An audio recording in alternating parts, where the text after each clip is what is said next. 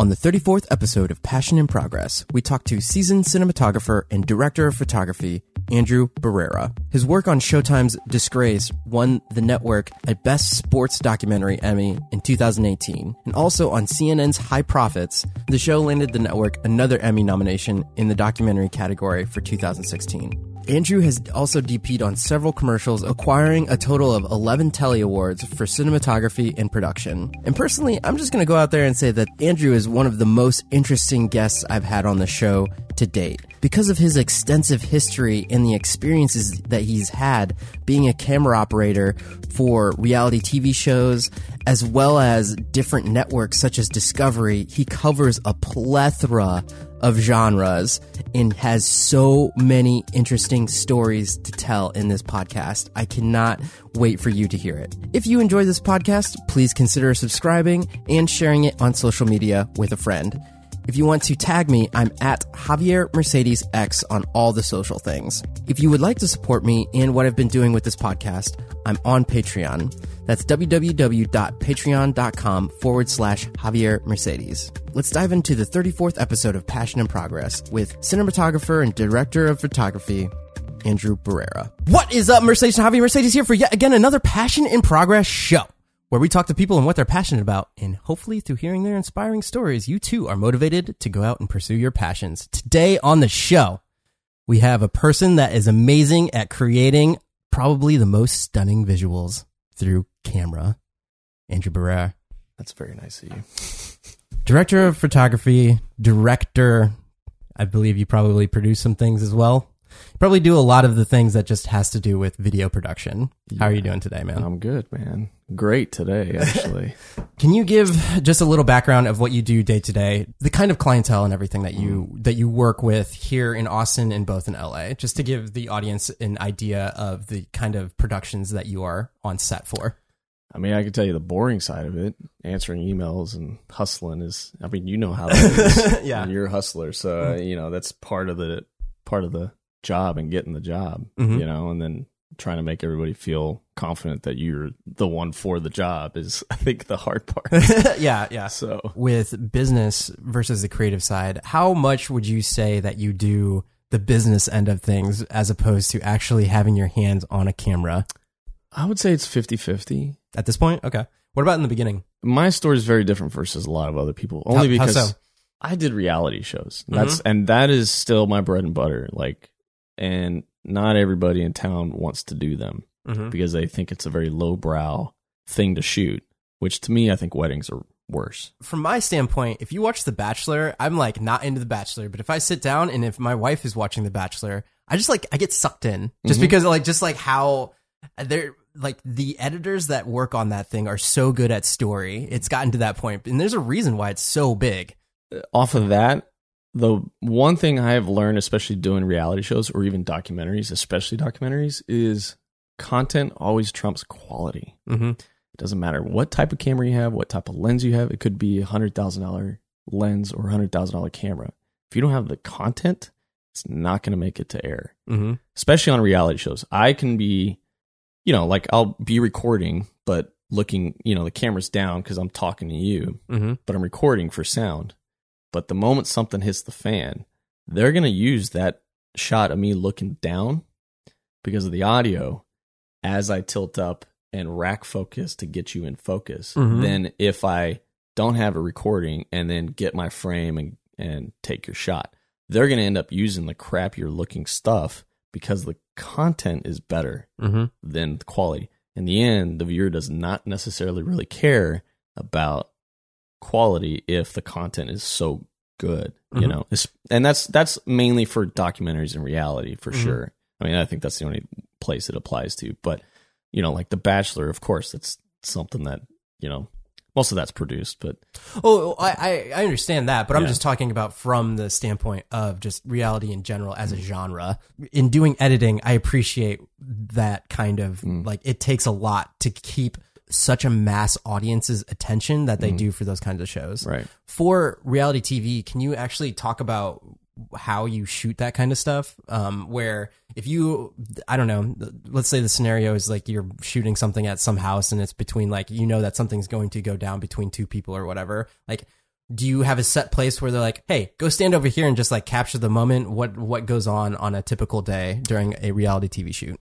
Um, if you're shooting with two cameras, then it's a little bit easier because you can anticipate. But I think the biggest thing for most filmmakers shooting doc or reality is anticipating the action, shooting with both eyes open.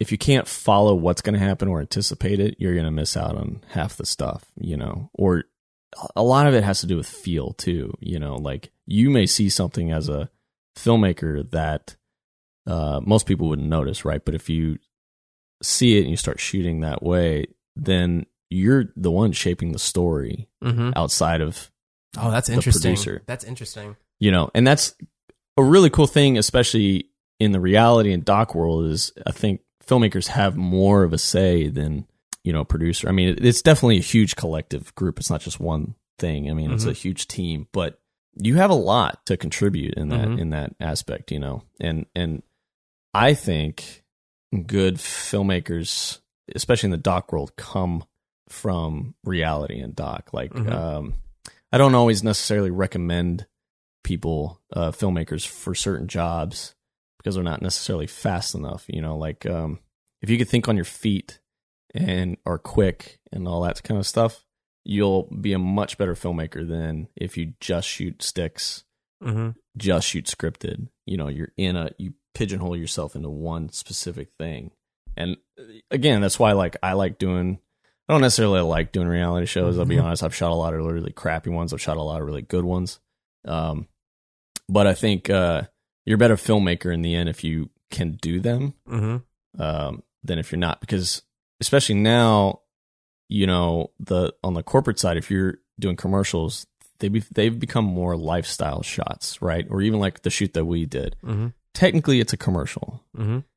but it's also a lifestyle. You know, it's scripted, but there's a lot of reality It's a hybrid kind of thing. shoot that you're doing into that. You're thinking on your feet. You know, you're anticipating what's going to happen uh, before anybody else really knows because you're the one looking at it while Mhm. everybody else is thinking of script and story and content. I mean, you can you. It's a feeling, you know. Mm-hmm. Um, so yeah, I I recommend people that come from that world more so, and I think that's a lot of just me being uh, prideful with people who do that because I feel their pain because it's not always the best, but I don't think you should hinder yourself to just one thing. Mm-hmm. You know, if you do multiple projects, different types of shoots, uh, you're more versatile in the in the long run. You know. Can you talk about the like past clients that you've worked with? Because I know you were you were telling me that you were shooting even something on your cell phone for McConaughey, and uh, like I, I noticed on your website you have some stuff uh, with uh, was it Mickelson, um, Phil Phil Nicholson. Nicholson? Sorry, Yeah. um, he's not here in Austin, is he? No, no, no, no. So I think what you're referring to is it was a golf commercial. Yeah, for, for Callaway. it was for Callaway. It was. Uh, I would say I think it was my first actual national commercial I did. That was strictly a 30 second spot. Like I've done a bunch of things that have, that have aired regionally or even nationally, but it was like portions of stuff. Like I've done Mhm. stuff for Air Force and they put it into their commercial if they, you know, like one shot or whatever. Mhm. But that one was a very specific. This is uh, two 30 second spots that we're going to air. Uh, I didn't meet him because what ended up happening was they had a whole nother crew in Arizona filming with him. And then they wanted to film Sergio Garcia Mhm. and add him to the spot as well.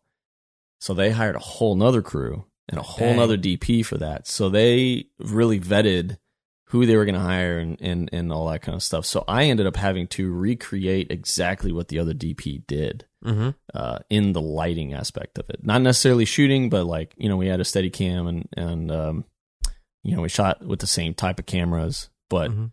uh, lighting would was the same. So I had to like dissect it based on what they sent me and how they shot that one and literally recreate the exact same thing. So when you watch it, it looked like It's it was one whole spot. yeah. Yeah. So that's what I did on D- that does that happen very often? Yeah, more often than you would expect, actually. I, especially on reality shows. I've had to recreate interviews exactly the way. No way. Yeah, Like, have you? So they've had to like go back to the same spot and do the same thing again. yeah, yeah. There's a there was a company in Austin uh, that I used to work for, and uh, they had a show called Heavy on A and E or 600 Pound Life, which Mhm. was also one of their shows, and they would have to interview these people, and um, you know they would do a type of interview, and then a couple months later, oh, realize that they need to go back and get some other words for them to fill in for the series, so we would have to go back recreate that exact same interview based on a screen grab, not even Mm-hmm. a diagram of where the light was. It was this is what it looked like. Make that happen. and what if the people don't even look the same? Right. Did that happen? back no, back then. Well, sometimes sometimes yes, it was like minor stuff and you're like I it's not my fault. Like I can't do anything about it, you Yeah. know? But um in the end it ended up working how they wanted it. so, what about McConaughey? Tell tell how you got into that. Oh yeah. Uh there's a sound guy I work with here in town. He referred me Mm-hmm. uh, to do this job, and this was right when Facebook Live was only for celebrities. Mm-hmm.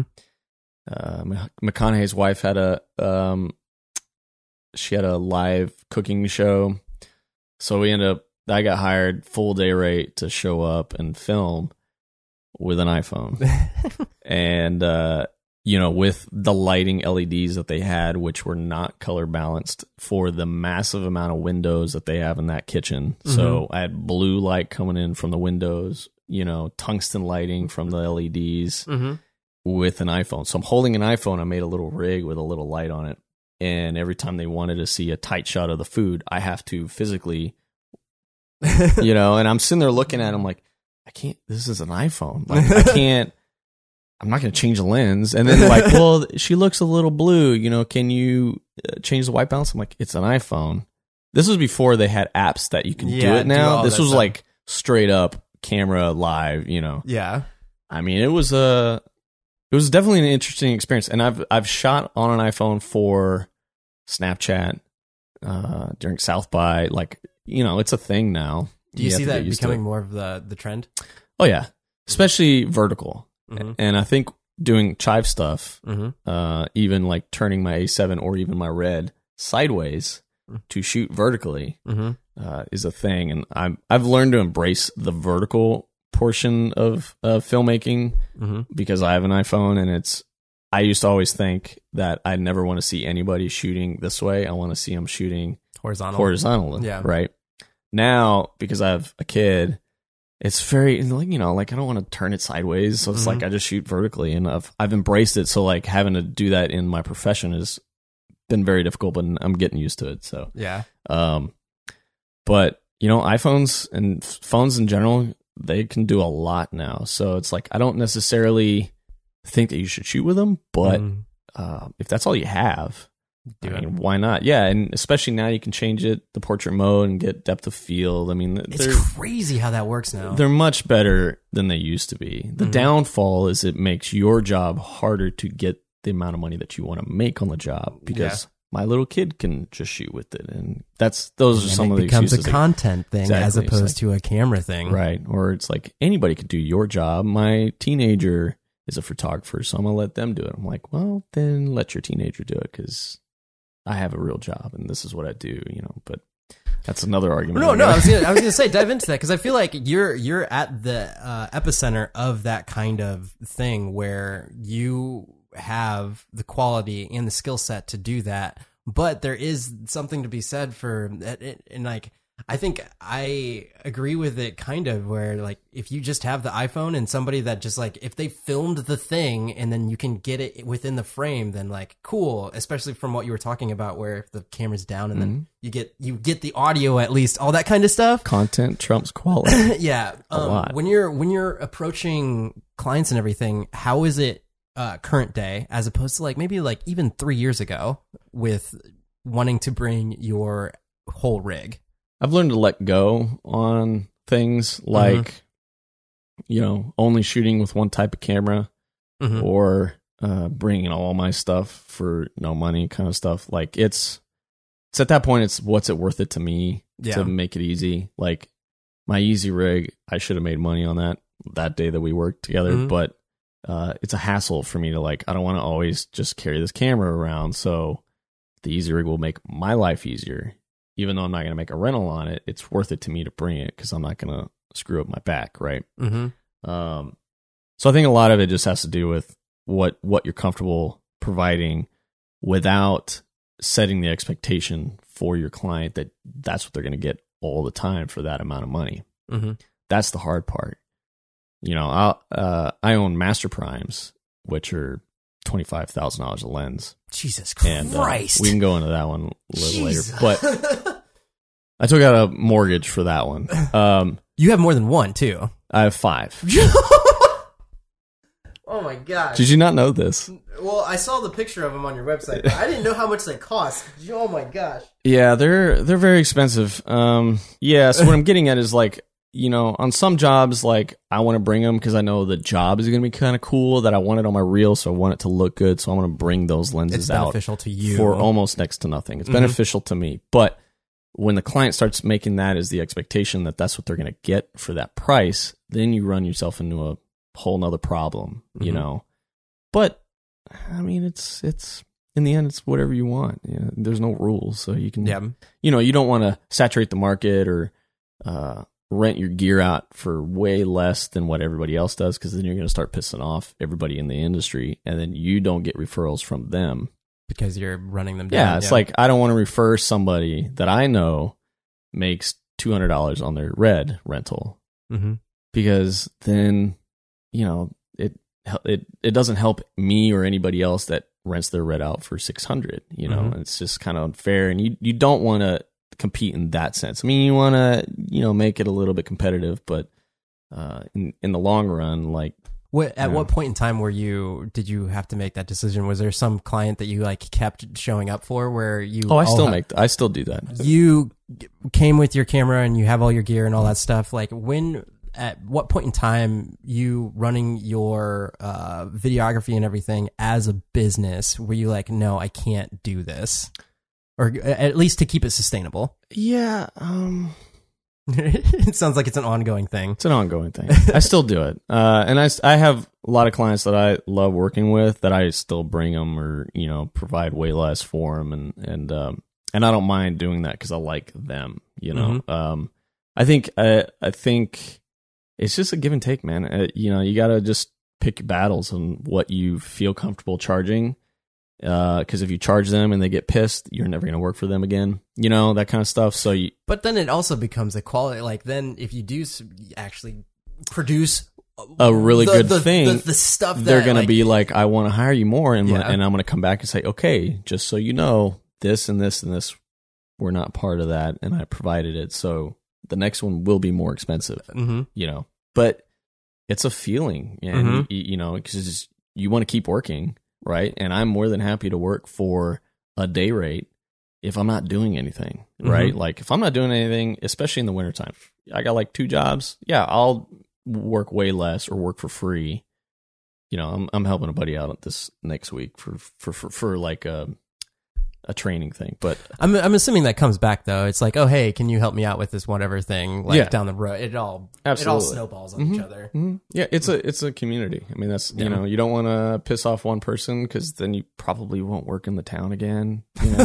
I love how it's like it just depends on that type of person and Yeah. who it is but then there's other times you you know you got to put your foot down and and and be confident in your ability of the stuff that you do and then um you know hope that it all works out in the end five lenses that cost twenty thousand dollars. Yeah. Jesus, you know what master primes are so they're they're master primes i'm the only person in town other than rental houses that own those lenses which has been very very nice For for the people that don't know what they are, like, can you explain why they cost so much? ARRI uh, partnered with Zeiss.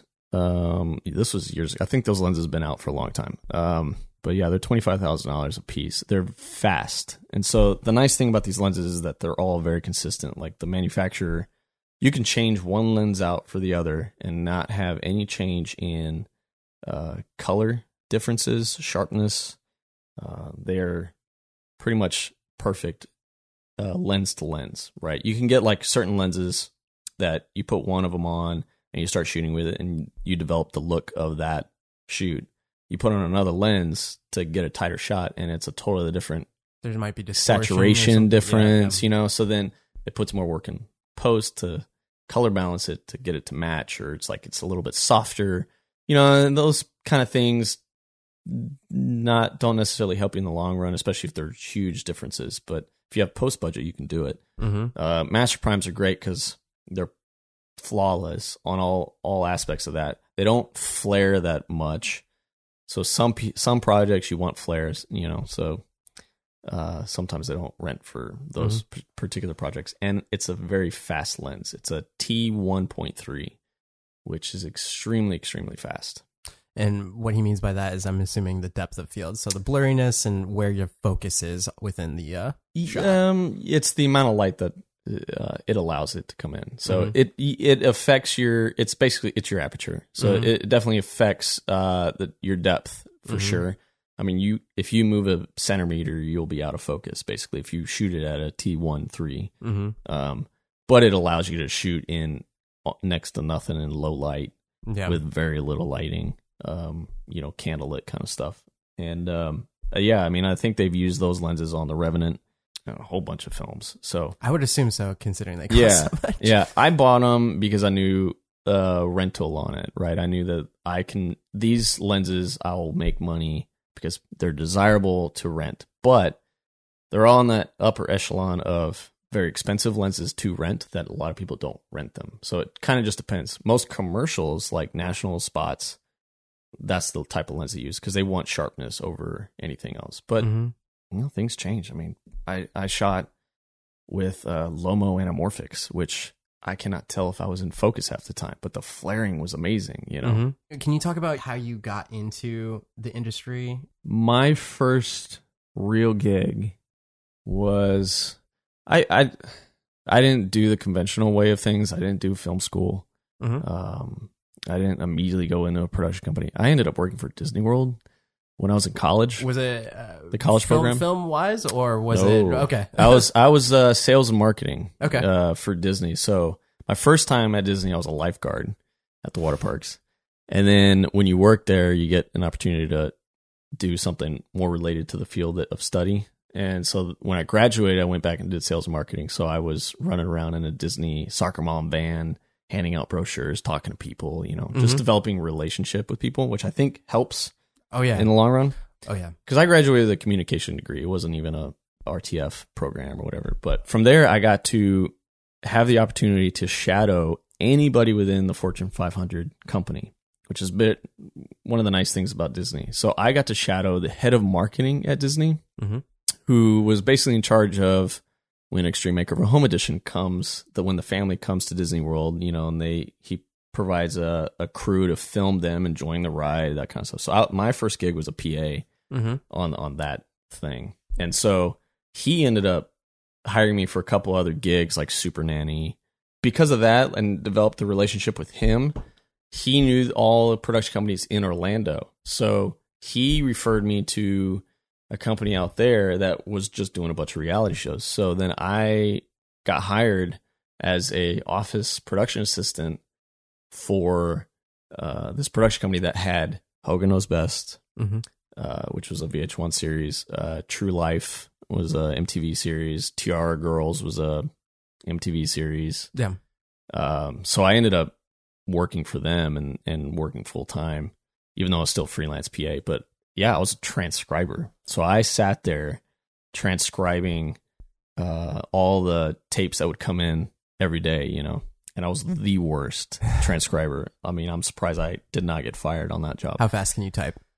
Uh, not. Oh no, I could type fast. Uh, I kind of had like a dyslexia. I mean, I still have dyslexia, but uh, I just not very good at you know just retaining the information and doing it memorization wise and stuff Mhm. like that. So most PAs in in the uh, bullpen they would do four tapes a day.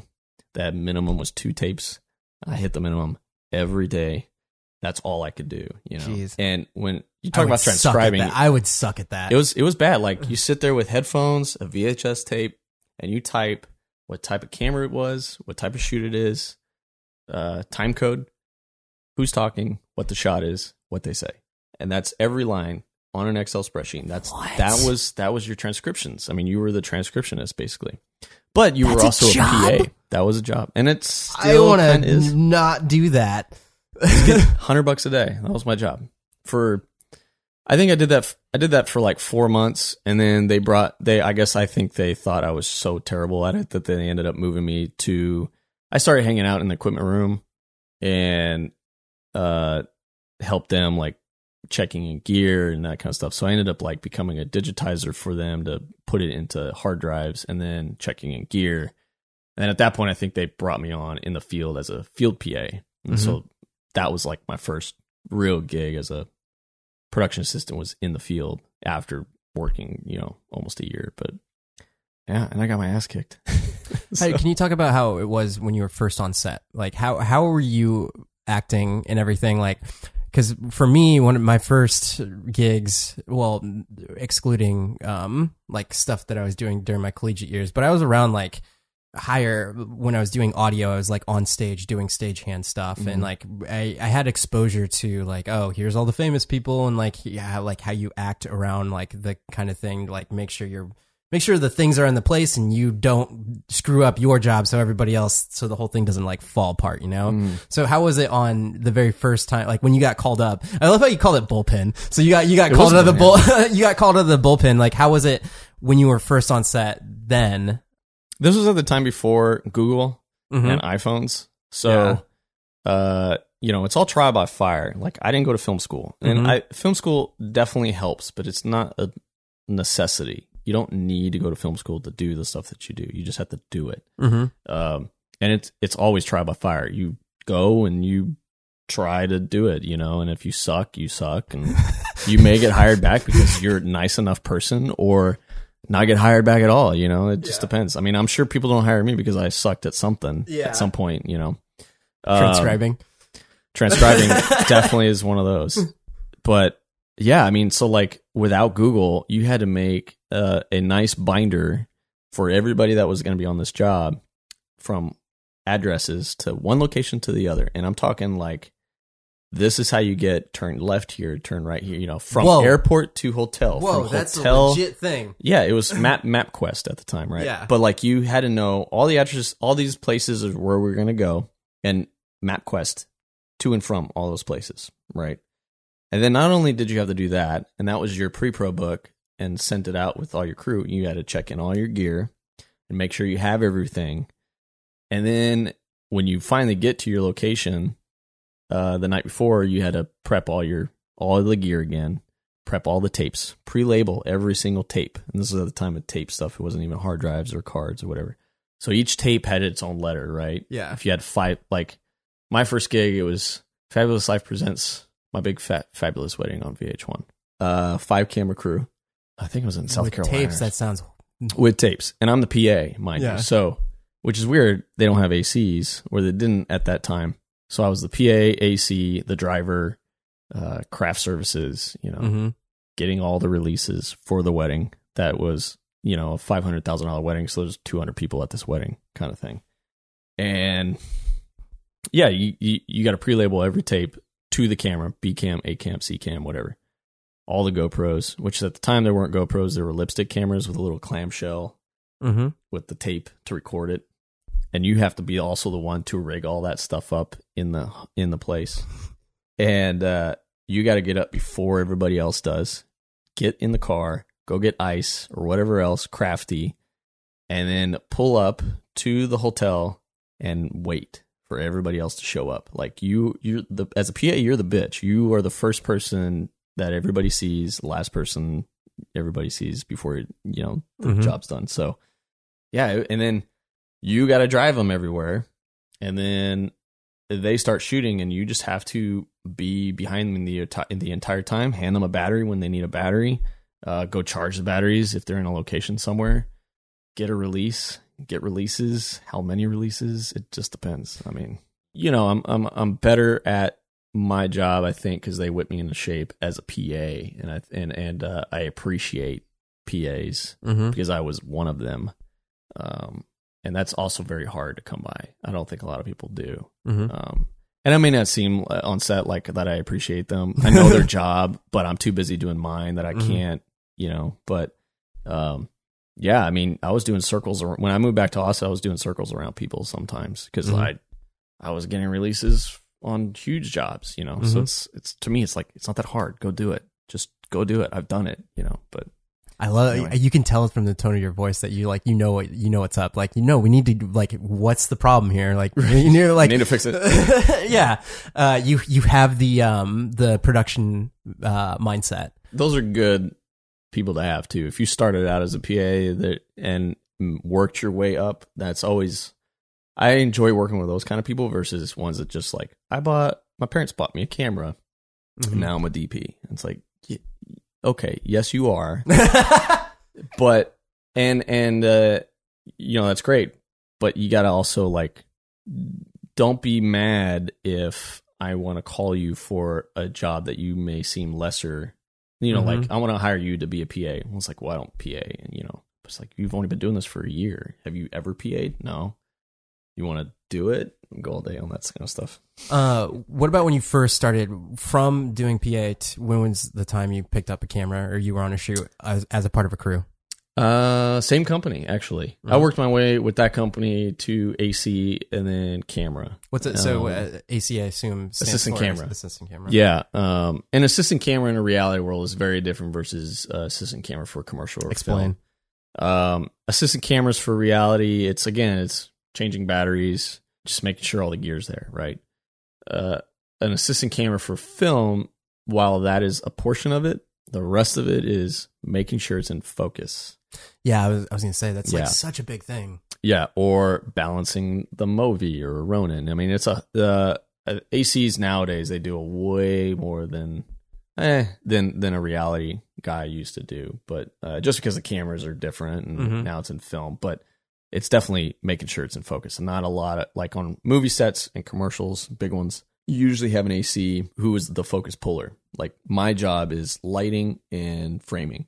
His job is focus Mhm. and because sometimes you do moves that you can't i can't pull focus reframe at the Mhm. same time and have a dolly move like uh, so the ac's job is super important and it just makes your life way easier too if you work with somebody who's done that and Mhm. There's a lot of good guys in town that do it so It's a craft to pull focus correctly. it's a it's a career in, in la I, I, I, yeah, I agree. there's there's guys that are 60 70 years old that are acs Mhm. and that's what they do It's know? worth its weight in gold if you like, especially if it's the difference between having one take or like eight takes because it, they were out of focus. It's like legit. Yeah. yeah. And it's nothing worse than doing like 20 takes because you can't get the focus right, you know? Tell me about when you went from AC to camera.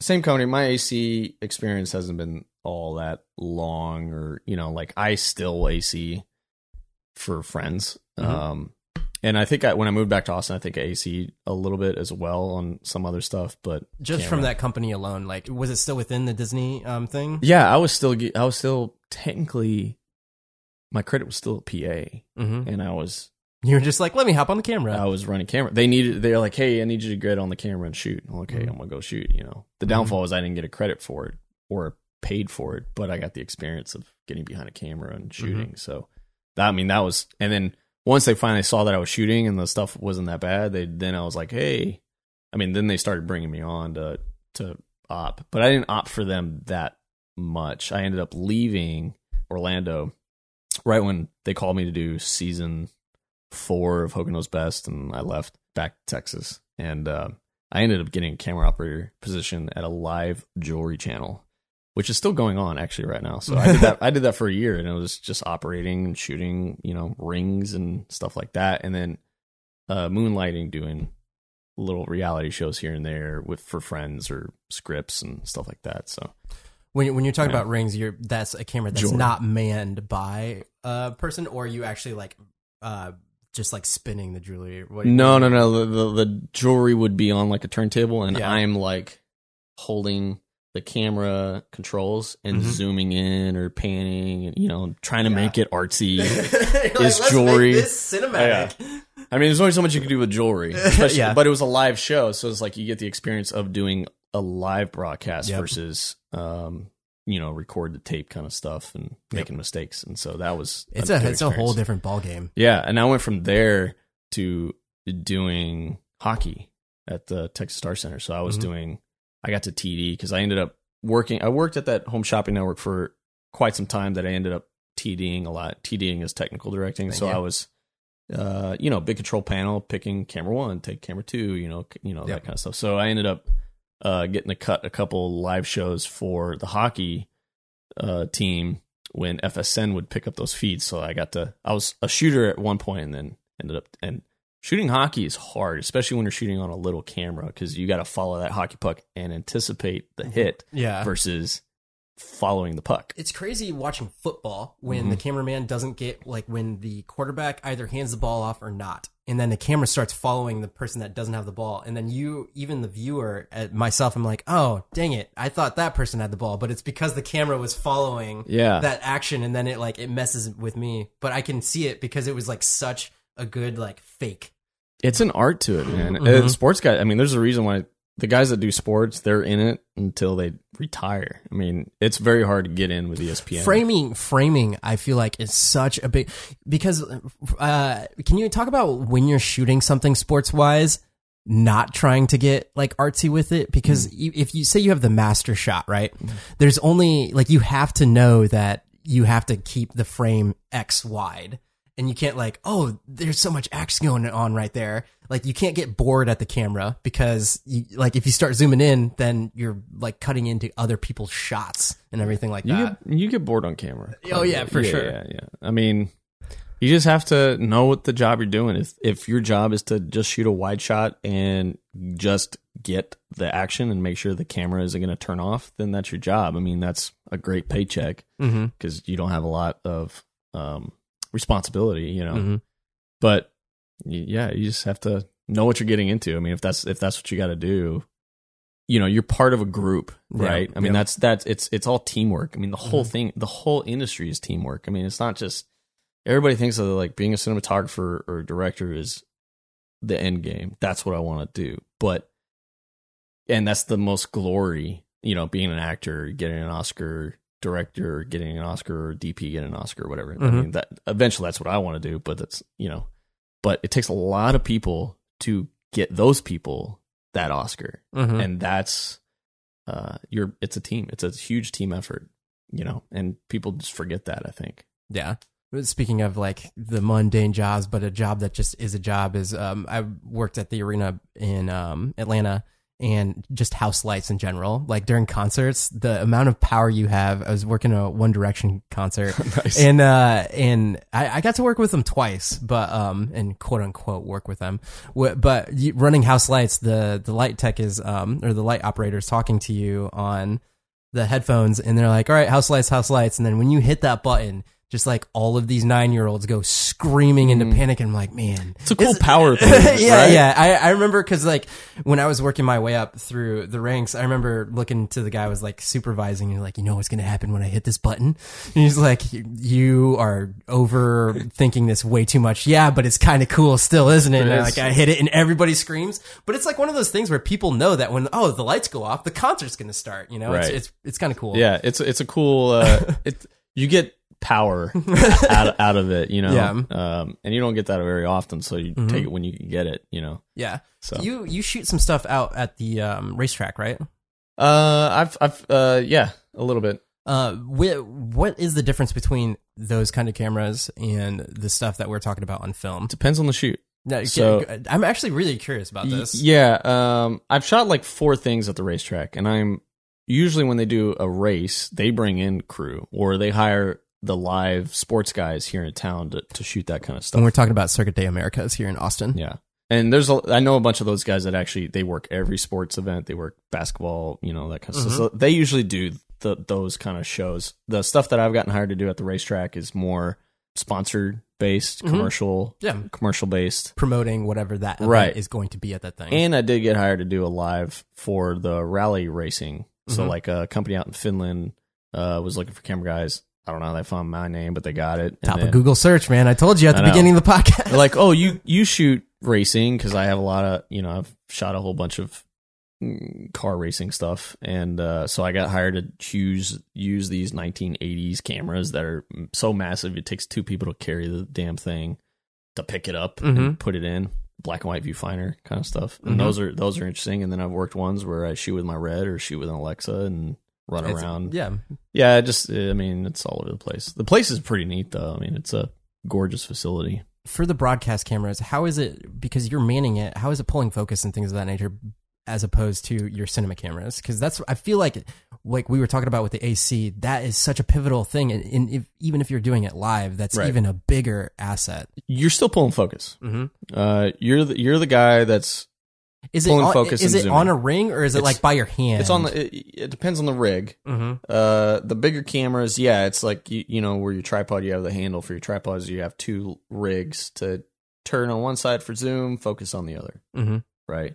But the whole thing is wired to a truck, and that truck has another guy that irises for you, colors for you, and all that kind of stuff. So that guy has, depending on how many cameras he has, five or six cameras that he's looking at and shading. Shading is irising, hmm uh, and they will do all that kind of stuff. So you're literally just Framing. framing, focusing, and zooming. And le- and if you're a handheld, it's the same thing. Actually, it's all remote, done by somebody else in a truck. hmm So, but again, it's a team effort. So. Before a shoot like that happens, are you guys all coordinating with each other to be like, hey, Yeah. make sure you're at this kind of white balance. Make sure all this stuff is like this. I'm going to be. Oh, I guess yeah. Go ahead. It's a full day prep uh, uh, on those kind of things. Like they're prepping the day before. You're prepping all the cameras. You put them where they need to go, and then you kind of run through the expectations of the day and how you're going to shoot it. And you know, it's there's a lot of work that goes into sports shooting, and I don't have that much experience doing it, but I know that like it's it's a huge effort. I mean, even the the truck that they bring in. I mean, it's it's a semi truck hmm and or it's two semi trucks. One one semi truck has all the gear plus the director with the 30 TVs that are all in there for all the camera stuff, and then they have another truck that's just for power, just running a generator, and it's the size of a truck. hmm Um, I remember that from uh. So when you're set when you're setting up stages for um Mm. with the audio stagehand um, background, you run all the power first because all of those cables have to like run and do all those runs, and then you have to set all of that stuff on stage first before you can run any other stuff. Yeah. Because you're the things that need power. You run those, and then yeah, the lights are run like it. Like it, it's it's a whole hierarchy of things. But I, cabling I is the word, I think. Yeah. if there if there was a way to have no cables, I feel like there would be like so many jobs that wouldn't happen. Yeah, it's true. yeah. Yeah, and that's the route it's going too. You know, Mhm. it's all wireless now. So I mean, wireless video feeds and stuff. And I think at some point when 4K is more mainstream than it is now, like when uh, regular TV hmm is in 4K, then I think like that might the technology will be there for the wireless aspect of it to, to just be all that way. And I know a guy right now that's doing that. Like he's Mhm. going out shooting sports, and it's uh, uh two camera guys shooting, you know, like a, a like a soccer match, but it's the video feed is sent to a studio in Austin, and they're in Minneapolis shooting it, and that person in Austin is cutting it, running replay, doing all that kind of stuff, and then sending it out on the web. So like we're already in that That's phase of technology. That's it's just crazy. the old gear, like the massive 80 pound, 100 pound camera, at some point those are going to be obsolete. And once those become obsolete, I think that's when you start seeing the wireless stuff Mhm. more so. But right now, you know, it's so expensive to replace those cameras that they're, it's going to forever be a cabling show. Yeah, you for know? sure. So, but yeah, that's, and that's not something I necessarily know a lot about because I don't do those that often, hmm but I do them because I do everything. So you work a camera. I stay busy. hmm I stay busy and pay the bills, you know. That's and that's also like kind of the nice thing is like I can do a whole bunch of stuff which makes me desirable for some gigs cuz like yeah, he can do anything, so doesn't matter creative, you know, we'll hire him for this or whatever. And then, you know, I work a lot, but I work decently priced where I know like some some people will work for next to nothing, but they work all the time. And I like working very little. you value your time. I do value my time, yeah. hmm Yeah, Uh, especially now. Yeah, With you a have a kid. hmm Mhm. I I completely understand. Yeah. I find that those like backstory things and just like the little tidbits, like even if you're only doing a little bit of live stuff, that's Mm. the kind of back end, uh, behind the scenes production things that Well, like you learn you learn things. A lot, a lot of people. yeah, I think hear. doing that kind of stuff helps you on a different project. You could take one, you know, what you learn from one project and and and incorporate it into another, even though it's a totally different type of shoot. But Mhm. if you at least experience those things, I think that helps you in the long run versus only doing one thing. You Mhm. know, I think only doing one thing makes you very desirable for people who are just looking for that. Mhm. Like there's DPs that only do a specific type of shooting, so they get hired all the time, but just for that, and they can they can corner the market in that area. Like a slow mo guys, right? Like um, people that just do slow mo with like a robotic cam, which I really want a, a robotic camera. And uh, Are you talking about a Phantom? Phantom is the camera specifically that shoots like Oh, you're talking about the like the the robot. yeah, yeah. but I want the fan. I want the Phantom and the robot. But like, if I got that and that's all I did, that's all I'm gonna get it called for. And there'll be times that I work months with no work, or there's, there'll be times that I won't work at all You know, for you months just on show up end. to a wedding and just be the guy with the robotic like red or like a Phantom for a slow mo gig. you never know, man. Or you can work all the time, but it's only that specific thing. But I think you kind of limit yourself to only doing that. That Mhm. you won't work all the time, Yeah. or at least for a good amount of money. hmm Yeah, uh, I get. It's similar in the YouTube space. It's like you could niche down. Like in on on my channel, it's like I have podcasts, and then uh, I had the next video. Well, it, this is kind of related, but like I just did one on rehabilitation. Uh, Yeah. physical therapy, and then my next video will probably be like, how do you plug a microphone into a computer? It's like there's a disconnect there, but these are the things that I like like, and as the audience grows, I find that it's similar people. Like there's so many people out there that are like, cool, we like this kind of thing, Mm-hmm. and then they're into the kind of same things. They understand that it's like, oh, it's all production stuff, you know. Right. So that's that's what I like. I think Uh, I think in the end, just shooting, just getting behind a camera and shooting is going to be better than not doing it. You know. creating. So Yeah. Mm. Can you give the listeners an idea of the spectrum of places where you shoot? I have shot in 48 states. The only states I have not been to are Vermont and Oregon. Oh, Vermont, man. That's a, You would that's a- assume that I was going to say Alaska and Hawaii. no, Most I, was, people I, do. I, Some people- wasn't. Some people think that it's like, oh, you haven't, you know, you say 48 states, the lower 48 you shot and all. But, yeah. Um, yeah, I've I've shot everywhere except for those two states, and Mhm. a lot of it was I was doing shipping wars on A and E, so I got to travel all the time and shoot stuff. But I've shot in Alaska three times for totally different things. Same thing for Hawaii. Mhm. I think Hawaii is one of the coolest places that I've been to. Any place you pointed the camera, you're like, yep, this is a Uh, good it's shot. all it's all beautiful. I mean, it, when you do a travel show, it is very hard not to get a good shot. I mean, Mhm. it's just if it's picturesque, it's gonna be. You have to really screw up not to get something pretty. Where were you at in Hawaii? Were you like up on the mountains? the three times I was there, yeah, I've uh, I did a show called Hawaii Air Rescue on the Weather Channel, uh, and I shot the sizzle there the year before. And yeah, it was it was a lot to do with like flying in a plane on how crazy the weather is, which is really not that crazy. We just had to make it all up. Um, You heard it here on the Passion in Progress show. I mean, there was turbulence. I mean, I think that was the hardest thing there. But it was Yeah. medevacing people who had emergencies, whether they fell off a cliff or broke their leg or you know surfing. Or Was it whatever. legitly like actually people had? Yeah, I well, I mean, that's a that sounds serious. I filmed a person who I think died, uh, if I remember correctly. He died in the hospital, but he got in a major car wreck, I think, in Maui, and I was stationed in Maui, and we flew him to Honolulu. You, you know, did the whole riding in the yeah, air yeah. medevac, you know, doing that whole thing, and I think like he ended up dying. That was the sizzle reel to sell the show, and then it ended up being the first episode in the show was that whole experience, you know, and it was pretty heartbreaking, you know, and it was real stuff. So the rest of the time, it was people with like minor aches and pains, or you know, they sprained an ankle doing something stupid on the beach, or you know, no shark bites or anything like that, or surfing. But like that show, like yeah, it was. We had times I was on call twenty four hours a day because if something happened, you have to, and you're alone on one island, and you had your rest of your crews are also doing it on the other islands. You know, so Mm. you're kind of by yourself. and then you all end up meeting in the end in Honolulu and back and forth. But you know, you do a hiking tour on that island, you take the camera and you shoot it. So that was kind of the, that experience. I mean, it was really cool. Mm-hmm. Got to see a lot of Hawaii, and Out of the 48 states, what was your favorite place? I like Alaska.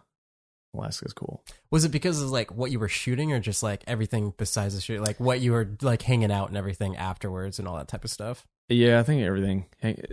Alaska is sentimental to me because I also got engaged on that show. Ooh, Uh, on the show? yeah, How would you explain this?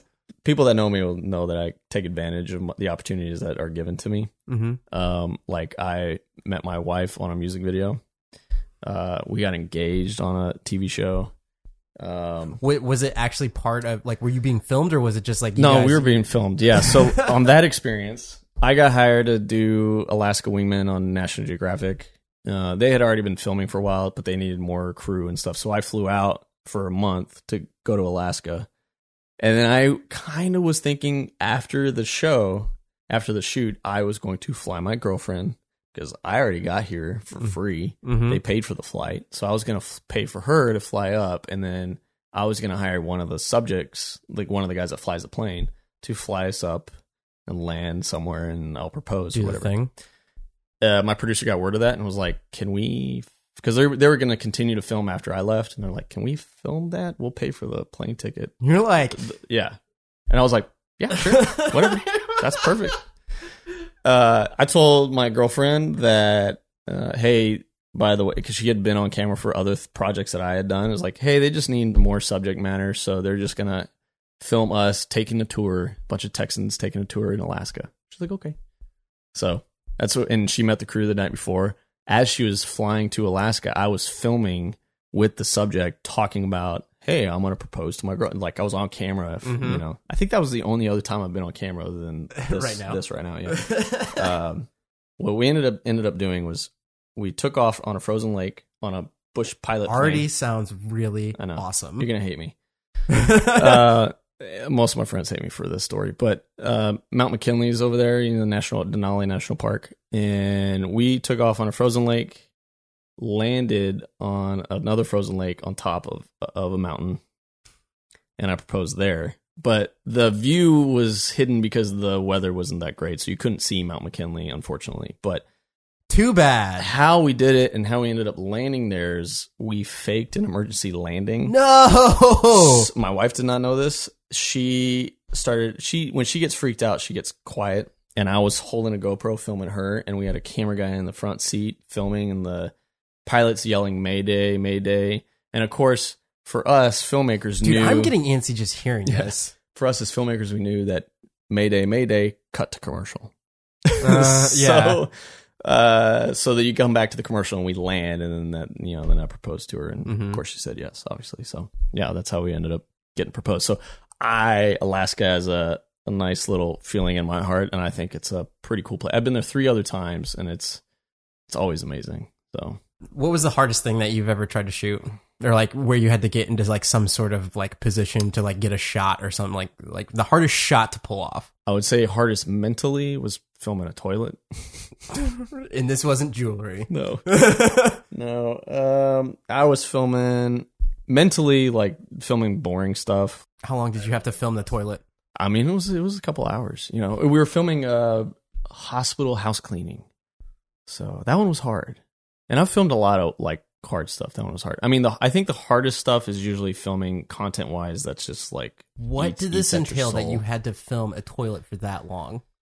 they're filming a cleaning lady showing them how to clean a toilet. So oh, okay, so it was like a educational. thing. Yeah, yeah. I thought this was like a reality TV Oh, show, no, no, like no, oh, the toilet plot twist, Yeah. the, whatever thing. But no, okay, this Yeah. makes much more Yeah. sense. now. Mental that that's definitely a mental thing. I think other other ones are like filming subject matter that's very difficult, or even like you know filming Six Hundred Pound Life and hearing people's life stories on how they got to where they are. Mhm. Super sad, you know that kind of stuff is definitely hard. Physically, I mean, I've thrown up a couple times in in helicopters that that beat me down a little bit, but Mhm. I've had several.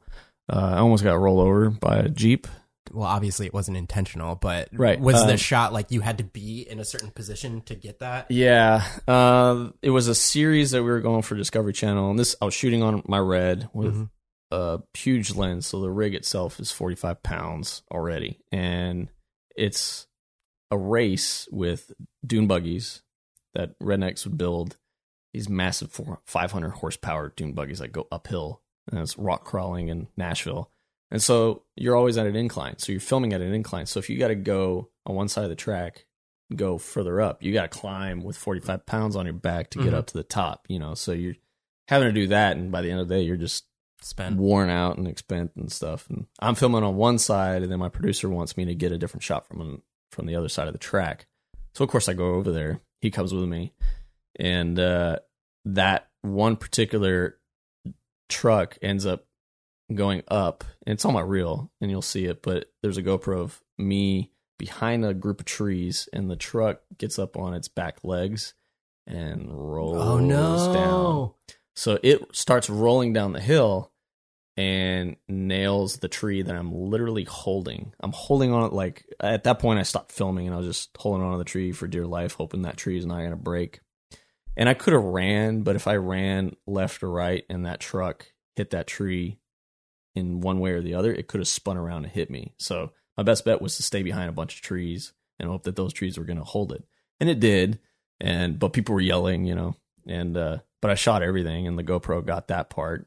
Usually when shit hits the fan, I zoom out and point the camera where I'm looking. Like the uh, helicopter crash that I was in, I was filming in. I like how you just like say that nonchalantly. There's a segue into the other one. It was a helicopter crash shooting um, another sizzle reel in East Texas, no West Texas, of people shooting uh, nets with a net gun in a helicopter to capture wild animals that are on this ranch to transport these animals to another ranch. You know, it's Mhm. like it's like a, a game management kind of thing. Which is the craziest thing. It's not the craziest thing I've shot. It's one of the craziest things I've seen Mhm. is you know f- being in a helicopter flying super low hauling ass chasing a deer while um, you got atvs behind chasing the helicopter and the cowboy on the left side of the helicopter shoots this net gun nets the animal jumps out 20 feet while the helicopter's hovering jumps 20 feet to wrangle you know like i mean it was just like mind-blowing watching this stuff yeah. um, it never made it to air at all. It was uh, they didn't want to see Bambi, you know, crying, so it didn't make it to the show. But, um, But the helicopter crashed.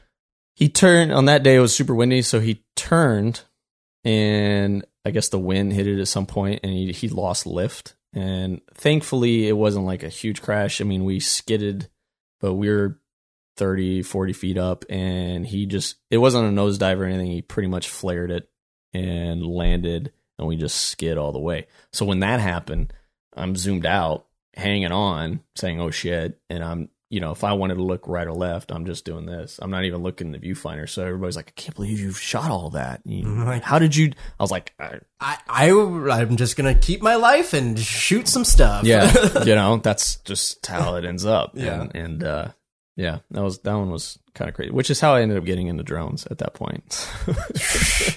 I would, yeah. What did you after that happened? Were you like, yeah, I don't want to get in a helicopter for like so another two im- seconds? immediately after that happened, the one of the co-pilots gets out, helicopter's still running. He looks up. He's like, "Everything's good, boss." They everybody gets back in. We take off. And we keep doing their job. And so the next thing that I remember is we are um, hovering over. We're not hovering. We're flying over a bunch of wild ram.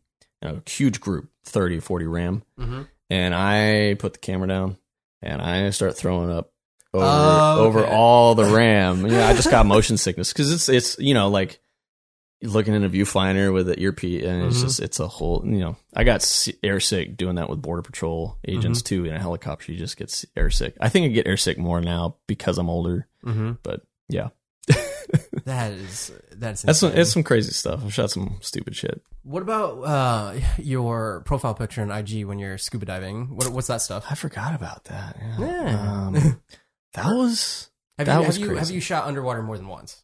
Yes. So so what what does that entail, and how is that different from shooting above water? Oh, it's a.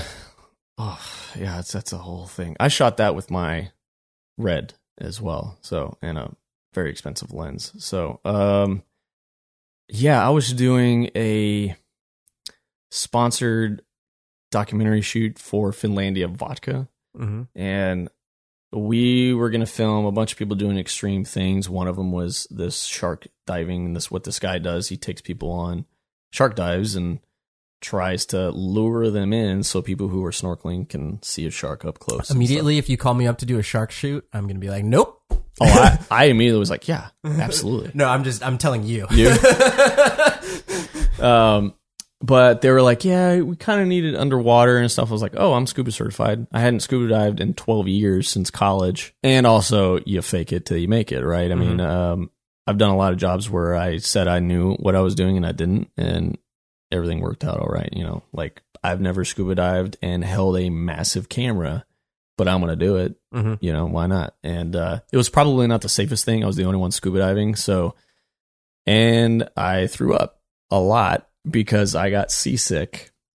While you were underwater, um this was there was a, some hurricane out in the the atlantic uh and uh the rig itself you can't pick up unless you have three other people helping you and my ac helped me and our sound guy helped me pick it up put it in the camera put it in the water and so i'm holding the camera and i'm getting you know 10 feet deep or whatever. And uh but all day we had just been fishing basically for these sharks. Like they hadn't showed up.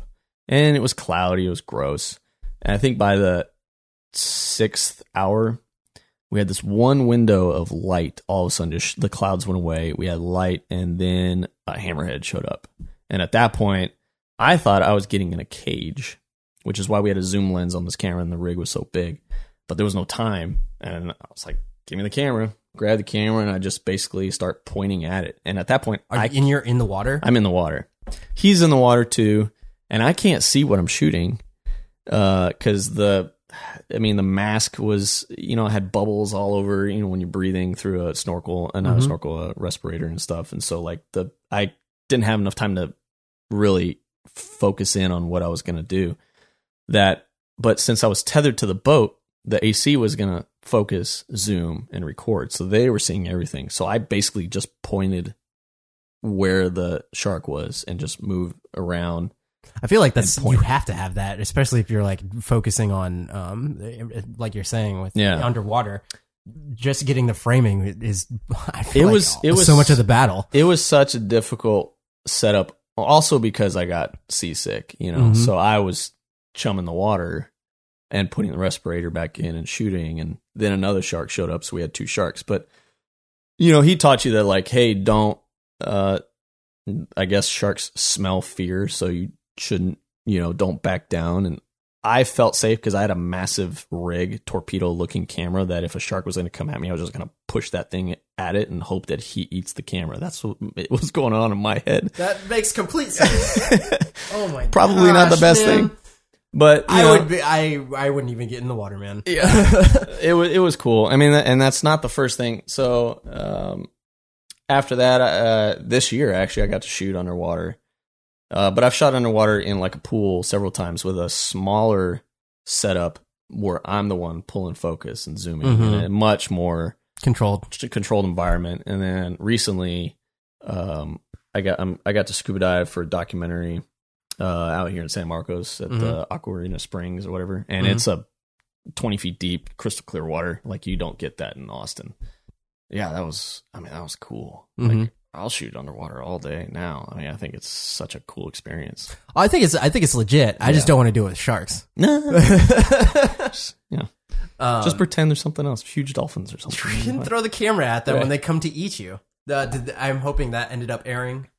the funny thing was with the shark diving one, one um, they used probably three or four shots of mine and used more GoPro stuff than anything else because we were on a zoom lens because I thought we were going to be super far back, Yeah. you know, so we need a zoom to do it. And uh, they in in the end liked the wider shots up close. And Yeah, we had sure. GoPros everywhere, so they ended up using more GoPro stuff than Mhm. yeah. So it's a little disappointing, but I got stuff from my reel, and that's all like for me that mattered, you know. Mhm. And I got experience. I think the experience of it is probably one of the cooler things. Now you know? you know to ask. Yeah, I know what to look for. I know to have somebody else in the water with me. So it's just, you know, trial by fire, man. You got to just figure it out and lie your way halfway through it just to get it. Any any other crazy spots? I did a show for TNT called Marshal Law, and I was filming with the U.S. Marshals, which is also fun. You do a lot of stakeouts and then busting down doors and really violent offenders kind of stuff. And that made it to air. And uh, the one episode I did, they were searching for a guy who had shot his girlfriend and on the highway was shooting people Jesus. on the highway, What? shooting shooting at the cops, shooting at cars and stuff. He ended up barricading himself in a abandoned house, and the cops, fi- the marshals, finally found out where he was. Everybody on the crew, and we had like a camera crew of four crews. You know, each crew had like five or six people attached to it. Everybody was on vacation except for my crew. It was me, a sound guy, and my and a PA. Everybody had the weekend off, and I took that weekend to, to shoot. I was getting paid, so Mhm. at the time I was trying to buy a RED, so and uh, they found the guy, and I'm riding with this one dude who ended up pulling straight in front of the house. Like we had the most amount of access that we had had the entire show.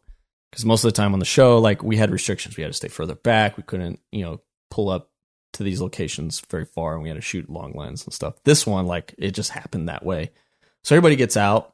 We get out, and I'm kind of using the car as just like a protection buffer to not get shot. to not get shot because he had a gun. And I'm filming the cops, uh, sorry, filming the U.S. Marshals walking up to the front window of this house. And they're in front of the window and they're kind of looking. And then all, all of a sudden they say, he's got a gun. And they fan out on either side of the window.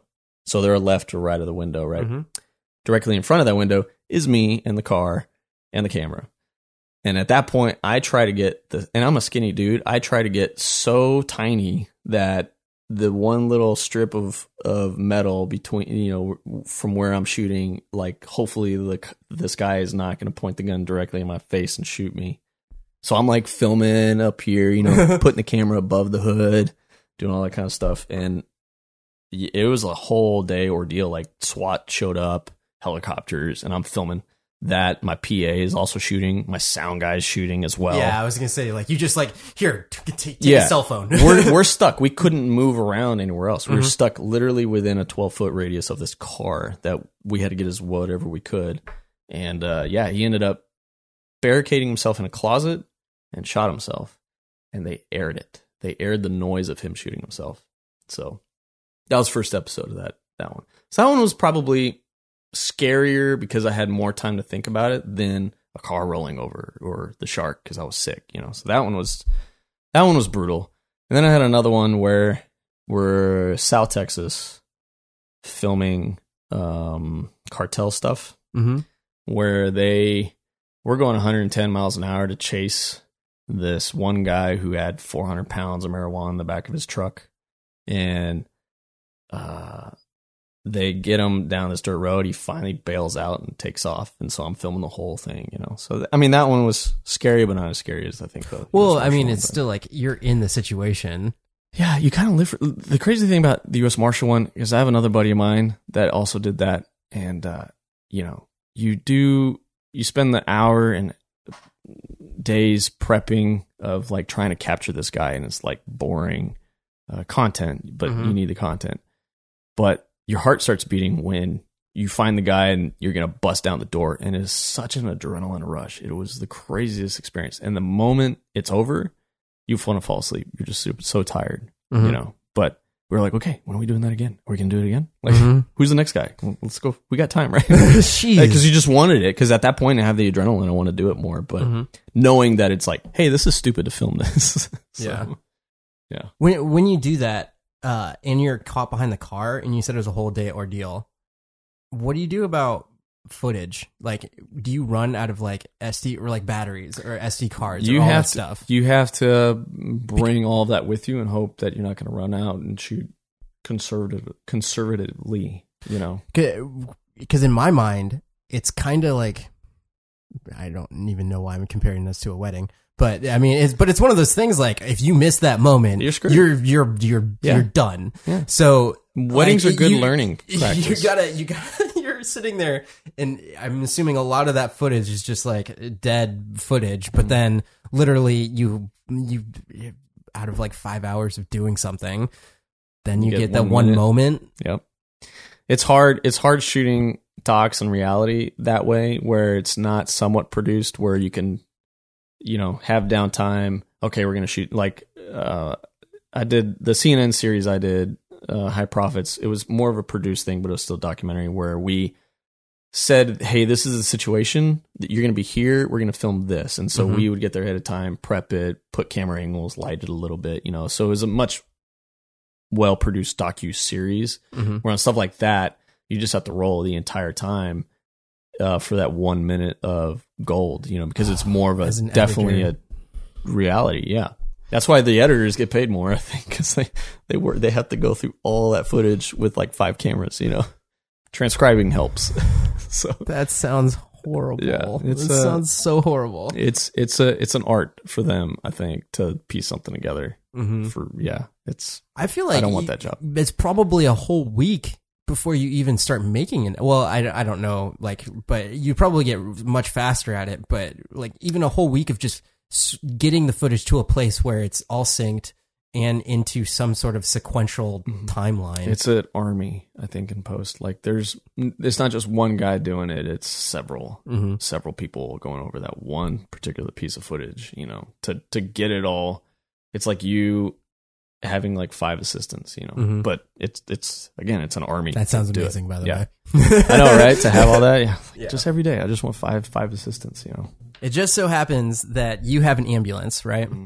Can you tell me the story behind it? Because you don't use it for ambulance things, right? No, no, that's correct. uh, my one of my best friends and I, drunk at a bar in Lubbock, were talking about how because we both own a whole bunch of camera gear, Mhm. uh, and you know we're like, oh, maybe we'll get a van or something, just share it, you know, just like a sprinter van or a box truck. And I, drunk, was saying it'd be really nice to have like electrical outlets and air conditioning in the back of a box truck. Like, what if we get something else, like an ambulance or something? his eyes lit up so much that we were both like, yeah, let's look that up. And I immediately like Googled, you know, used ambulances and that was a thing. Like I didn't know you could buy a used ambulance, but you can. And people turn them into campers. And so we bought an ambulance like after a couple months and yeah, converted it into a camera truck. So you use it spe- specifically for camera things. Correct. Yeah. What's the actual name of your ambulance then? Gosh, its Instagram is the Cambulance. It has its own Instagram. The. Cambulance. Uh, yes, and it is the Cambulance. I'm gonna make T-shirts and whole thing with the Cambulance on Love it.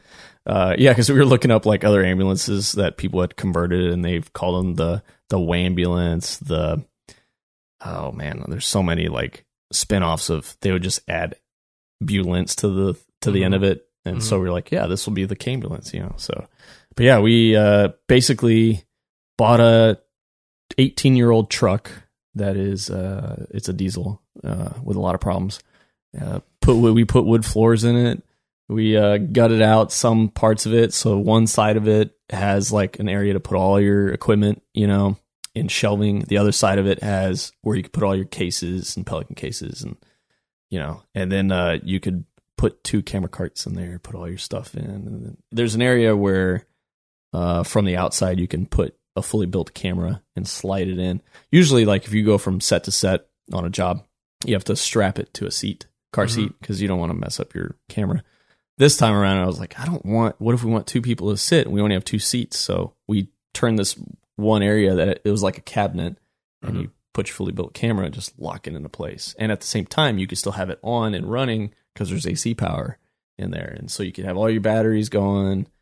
Uh, I put a nitrogen tank in it because it had a built-in oxygen tank, so we replaced it with a nitrogen tank, so you could do canned air built into the thing, so you could sit there prepping your camera on your camera cart and just use the canned air to clean it. and it's just a built-in thing, you know. And the great thing is it's air conditioned in the inside. It's probably five inches thick Mhm. insulation all the way around this thing, so it never gets hot, never gets cold in there, which is really nice. And uh, it's got shore power, so you can have it plugged in to a house, not running. That's while legit. you- while you're shooting and have all your stuff in this place. And it's got all the uh, compartments on the outside. So like the nice thing is, you know, it's got an area on the outside for your tripod and Dana Dolly on the other side, C stands, you know, whatever. So we were trying to keep it not a grip truck per se. I don't want to compete with anybody because it's not an ambulance. You can't really fit a whole bunch of stuff grip wise. So it's like it's perfect for a camera because it's nice and sterile. Even though I think uh, several hundred people probably died in that thing because it's 18 years old, but uh, it's definitely uh, it's it's a it's a conversation starter for sure. Like uh, people are like, "You did what?" You know. But the moment we pull up, everybody's like, "This is awesome, man! You gotta keep with it." So it's in the shop right now, but we're we're How working long on did it. it take to uh, gut it and do all that stuff? Uh, thankfully, we didn't have to like gut it, gut it. I mean, we kept most of the stuff in there. We just had to get rid of like a lot of the ambulance part of it, you know, like so it by the time it went on a job, it was probably three months since we had it to it going out on a specific job, but it didn't have everything yet. You know, We are still working on it. So, and we're still working on it. I mean, we just put a stereo in it, and right now we're getting the engine worked on it. That's a whole ordeal. So by the end of it, we'll probably spend more than you should spend on a truck. A But- truck that's an ambulance. though. ambulance. I own an ambulance. Does it still have the siren and everything? still has a siren, that, and it works. Is, is that like? Is there a legality there where you can't? yeah, yeah, yeah. We had to get rid of uh, all the red lights, uh, the front red lights that are up there because you don't, you can't have anything. Basically, can't really have anything red hmm uh, lighting wise, and have the strobes working and stuff like that. And then um, the siren, you technically have to disconnect it all. But I don't have a horn. The horn doesn't work. And uh, when I was getting the inspection, I was like, "Well, I have this one," and I just hit it, and he was like, "Yeah, I'll pass you on that one." So we just can't use it Yeah. per se. But uh, yeah, you had to get rid of all that, and and you have to get rid of all the logos that say ambulance on it. I wanted to put the ambulance, That's way too close. but yes, yeah, like uh, people would just start freaking out because when we first bought it, people were letting me in in the lanes. Like they assumed I was an ambulance, and I'm driving, and you know, like it was really easy to get through traffic. Now it's just like I'm just another truck, you know, but still an ambulance. It's kind of cool. Oh, so when you first bought it, it had all the Yeah. decals and everything. Yeah. Oh, okay. Yeah, it Man, had all a- the That's a sketch thing. Mhm. I feel like there's people that could just do that or use Yeah. that for wrong Yeah. purposes. But yeah, and if you have an HOA, it's not necessarily something that they're going to allow. You know, thankfully, I live in a place that doesn't have it, and it sits in my driveway.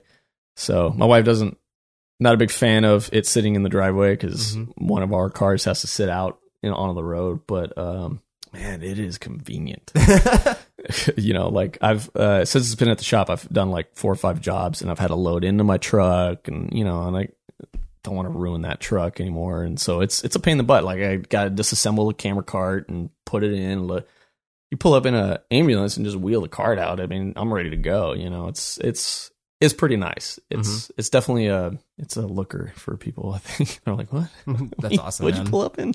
Just a person knowing somebody that owns an ambulance for cameras. That's a legit thing. They're not that expensive. Really? Yeah, I mean, Well, I feel like they probably have a lot of miles on them. oh yeah, this one had 280 That is a lot of miles. 280,000 miles on it Jeez. with a lot of problems uh, because it were rode hard. Right now, everybody's telling me it's a rust bucket, and I'm refusing to get rid of it. Mm-hmm. But if we get rid of it, we're just gonna buy another one.